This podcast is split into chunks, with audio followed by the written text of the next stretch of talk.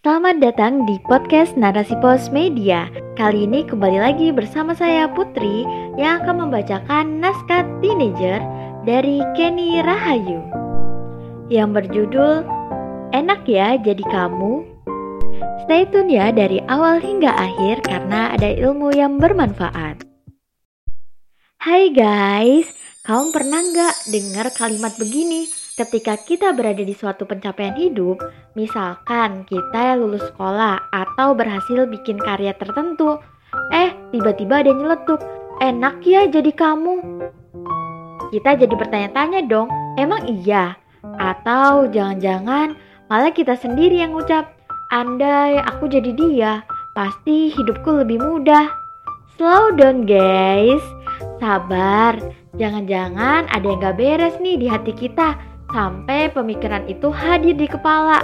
Kalau sudah begini, langsung istighfar ya guys. Tapi ya guys, memang benar, rumput tetangga selalu kelihatan lebih hijau. Padahal dalam rumahnya ya sama berantakan juga. Jangan lupa mampir ke dapurnya, pasti ada sampah dan cucian piring. Atau mampirlah ke gudangnya, ya ada aja barang gak berguna di sana. Itulah kira-kira hidup manusia guys. Bisa jadi yang tampak hanya keteraturan hidup seseorang yang mungkin bikin kita iri. Padahal dia juga punya masalah juga. Hebatnya, dia tidak mengeluh. Bukan kayak kita yang selalu tebar peluh. Kamu pernah dengar nggak bahwa manusia punya naluri eksistensi diri? Kita bisa sebut dengan Gorija Bako Sungguh mulia dan agung penciptaannya Allah Subhanahu wa taala. Diciptakan naluri ini agar manusia bisa bertahan hidup atau survive, baik fisik ataupun non fisik. Contohnya nih guys, ketika manusia hendak menyeberang jalan, ia akan menoleh kiri dan kanan. Ia akan memastikan tidak ada kendaraan, barulah dia jalan. Atau ketika kita berada di suatu tempat, tiba-tiba ada binatang buas, refleks kita akan lari dan sembunyi dalam rangka mempertahankan diri. Kita nggak akan berdiam dan menyerahkan diri kita hidup-hidup. Itu gambaran survive dalam hal fisik. Hikmah lainnya adalah dalam aspek non-fisik. Inilah bahasan kita kali ini. Ketika kita mendapati kebahagiaan pada teman kita, layaknya saudara guys, kita harus turut bahagia. Sayangnya, iri dan dengki lebih besar. Lalu setan membakar gorija bako kita, jadinya kalimat sejenis enak ya jadi kamu muncul. Padahal yang Allah mau adalah kita belajar dari kesuksesan seseorang dan menirunya. Kita cari pola keberhasilan apa dan kita upayakan. Maka kalimat yang seharusnya muncul jika kita seorang beriman adalah kalau dia bisa, aku juga bisa atas izin Allah. Insya Allah, yang akan lahir suasana berlomba dalam kebaikan dan ketaatan. Sungguh manis hawa yang muncul di antara orang-orang soleh. Bisakah kita berlaku demikian? Manusiawi banget sih buat kita merasa bahwa ada rasa penasaran di balik kebahagiaan seseorang. Gimana ya dia bisa berhasil? Yang kayak gini keren ya. Tandanya kita ingin mengupayakan hal serupa. Ini persis dengan kisah seorang sahabat Nabi. Ialah Abdullah bin Amru bin As, putra sahabat Rasul yang istimewa. Amru bin As. Suatu ketika para sahabat sedang bercengkerama dengan Rasulullah Shallallahu Alaihi Wasallam.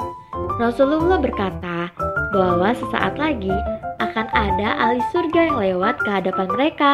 Datanglah seseorang pria dari kalangan Ansor.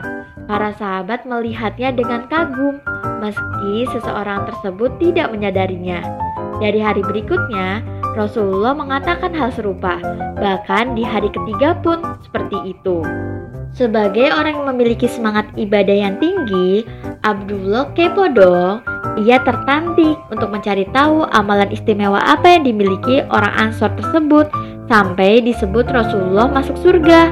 Datanglah Abdullah ke rumahnya dan izin menginap. Ia berpura-pura sedang berkelahi dengan ayahnya, sehingga ia enggan pulang. Pria Ansor itu mengizinkannya. Sehari dua hari berlalu, Abdullah tidak menemukan amalan khusus pada diri orang tersebut. Tahajudnya sama dengan orang kebanyakan, puasa, dan lainnya juga sama. Sampai pada hari ketiga, Abdullah tak sabar dan bertanya terus terang. Pria Ansor itu menjawab, Tahuilah amalanku adalah seperti yang kamu lihat. Tapi aku tidak pernah merasa iri ataupun dengki pada siapa pun atas kebaikan atau kenikmatan yang didapatkan dari Allah Subhanahu wa taala. Maka dari itu guys, sebagai hamba Allah yang merindukan surga, alangkah indahnya jika naluri eksistensi kita kita kendalikan dalam rangka berlomba pada kebaikan. Mari kita tiru semangat Abdullah ketika menggebu terhadap label penghuni surga yang disematkan Rasulullah pada seseorang. Alih-alih iri, Abdullah malah menggali dalam rangka hendak imitasi. Lagian, siapa sih yang gak mau masuk surga? Mental inilah yang hendak kita miliki. Lebih mind blowing guys, ternyata jawaban pria ansor tersebut bisa jadi iming-iming bagi kita bahwa salah satu sifat penghuni surga adalah tidak iri terhadap kenikmatan yang Allah berikan kepada seseorang. Wallahu alam bisawab.